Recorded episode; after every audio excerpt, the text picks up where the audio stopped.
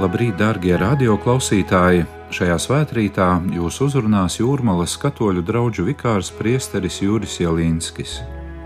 Lasījums no Jēzus Kristus evanģēlija, ko uzrakstījis Svētais Lūkas.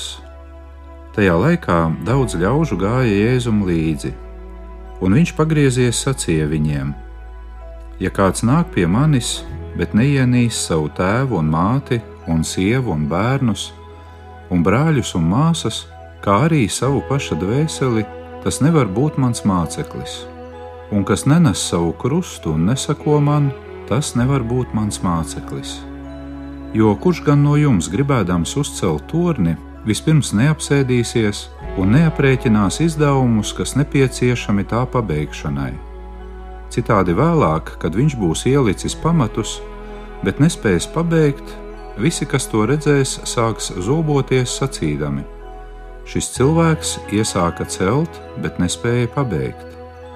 Vai arī kurš ķēniņš, kas domā iet karot pret citu ķēniņu, neapsēdīsies un vispirms neapsvērs, vai viņš varēs ar desmit tūkstošiem iziet pretī tam, kas ar divdesmit tūkstošiem nāk pret viņu. Citādi tam vēl tālu esot, viņš sūtīs sūtņus, lai lūgtu mieru. Tā arī katrs no jums, kurš neatsakās no visa, kas viņam ir, nevar būt mans māceklis. Tie ir svētā evaņģēlīja vārdi.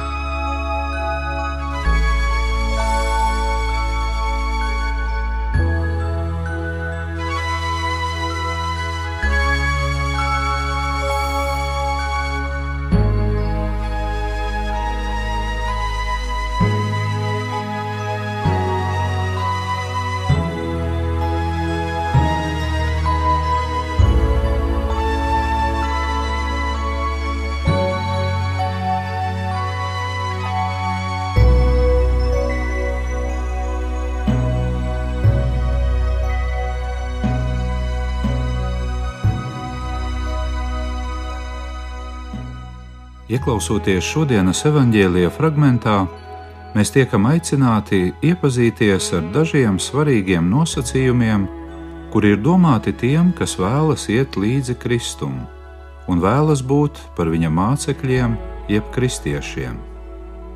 Pirmais nosacījums, kā dzirdējām, ir mīlestība. Un tā nav kaut kāda abstrakta vai sentimentāla mīlestība, bet runa ir vispirms par konkrētu mīlestību uz Jēzu, kura nebaidās tikt konfrontēta ar cita veida mīlestību. Jēzus saka, ja kāds nāk pie manis un neienīs savu tēvu un māti, un sievu un bērnus, un brāļus un māsas, tas nevar būt mans māceklis. Pirmajā brīdī mums var likties, ka šie vārdi ir skarbi un pretrunīgi jo citu vietu mēs lasām, ka mums ir jāciena savs tēvs un māte. Savukārt, kas attiecas uz vīra un sievas attiecībām, tad par tām Jēzus ir teicis, ka viņi vispār vairs nav divi, bet ir viena miesa, un to, ko Dievs ir savienojis, to cilvēkam nebūs šķirt.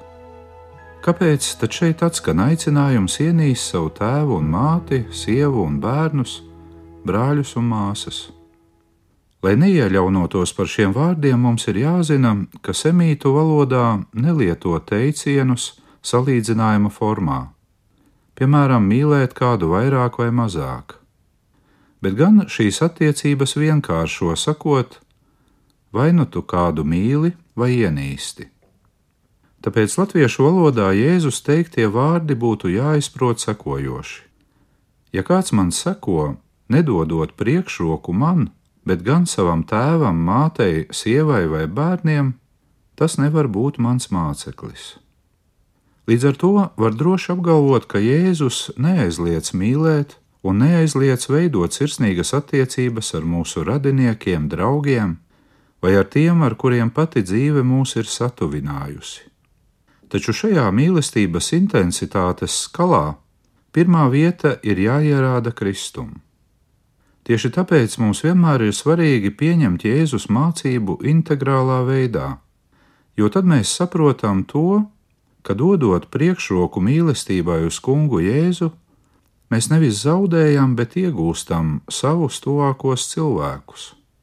un iegūstam viņus pavisam jaunā perspektīvā.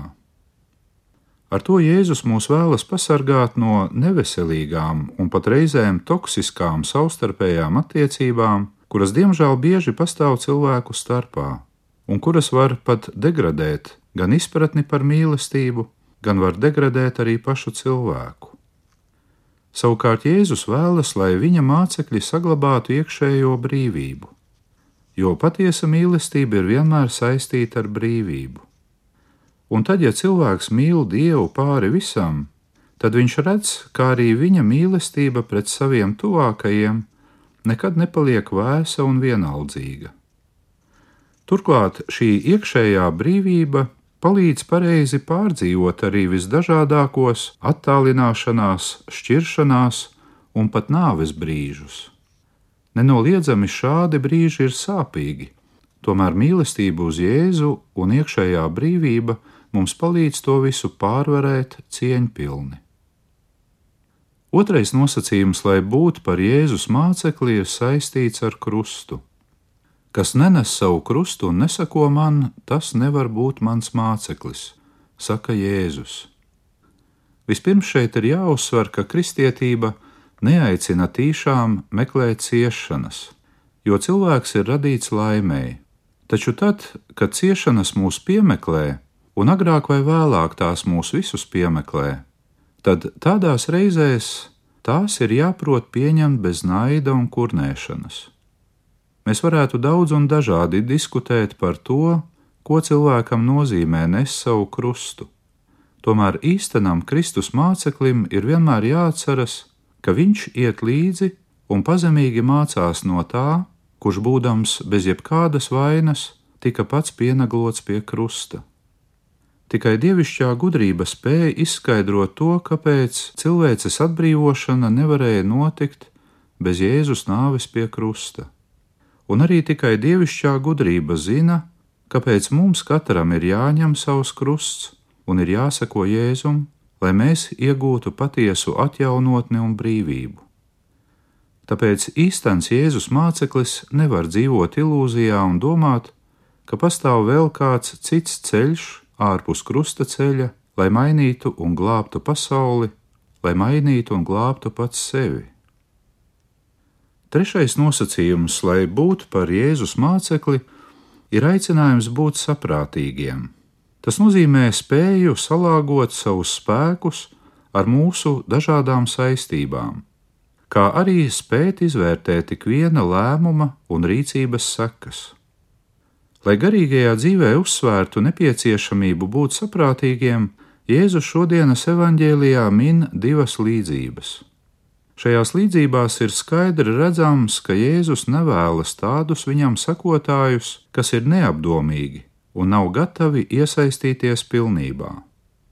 No vienas puses tiek uzsvērts, ka ir nepietiekoši būt aktīvam tikai kādu nedēļu, mēnesi vai gadu, lai ietu Jēzum līdzi, bet no otras izskan brīdinājums, lai mēs nekļūtu par tādiem cilvēkiem, kuri atsaucas vienīgi uz kādu dievišķo iedvesmu, harizmu vai kādu iekšēju gaismu, lai pēc tam justos atbrīvoti no atbildības par savu rīcību un tās sakām.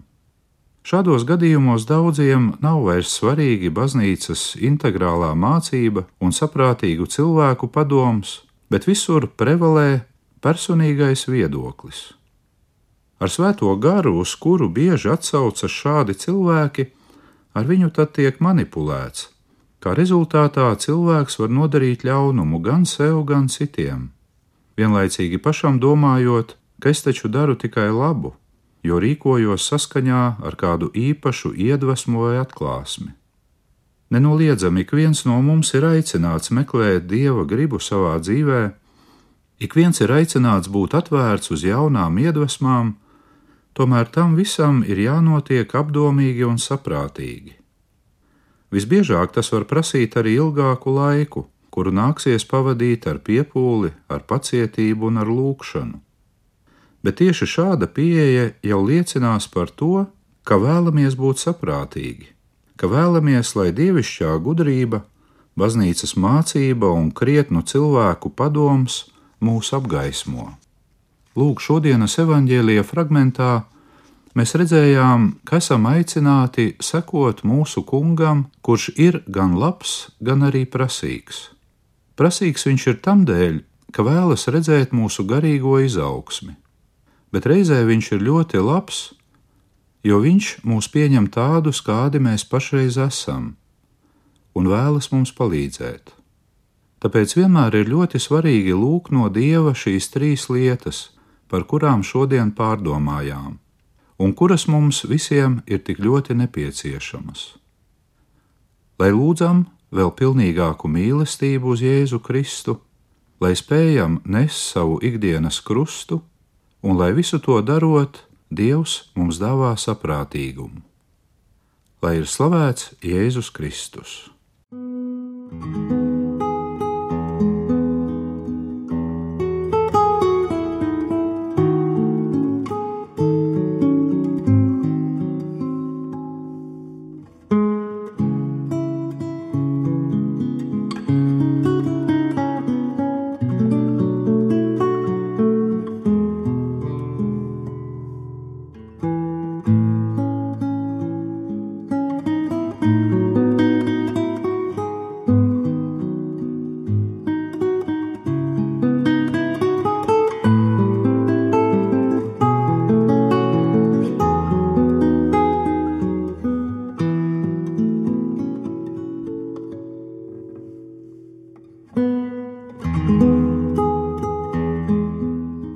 Vecajā derībā, gudrības grāmatā mēs lasām šādus vārdus: Ar grūtībām mēs iepazīstam to, kas ir virs zemes, un to, kas gaidāms, aptveram ar pūlēm, un kas tad izpētīs to, kas ir debesīs? Kas tad izdibinās tavus nodomus, kungs, ja tu nedosi gudrību un nesūtīsi savu svēto garu no augstumiem? Lūk, tāpēc atvērsim savu prātu un sirdi un lūgsim, lai debesu Tēvs sūta par mums Jēzus apsolīto svēto garu. Lūgsim, lai gudrības un saprāta gars mūs vienmēr apgaismo un vada. Tēvs mūsu, kas esi debesīs, svētīts lai top tavs vārds, lai atnāk tava valstība, tavs prāts, lai notiek kā debesīs, tā arī virs zemes mūsu dienascho maizi dod mums šodien, un piedod mums mūsu parādus, kā arī mēs piedodam saviem parādniekiem, un neieved mūsu kārdināšanā, bet atpestī mūs no ļauna Āmen. Šajā svētkrītā kopā ar jums bija priesteris Juris Jelīnskis.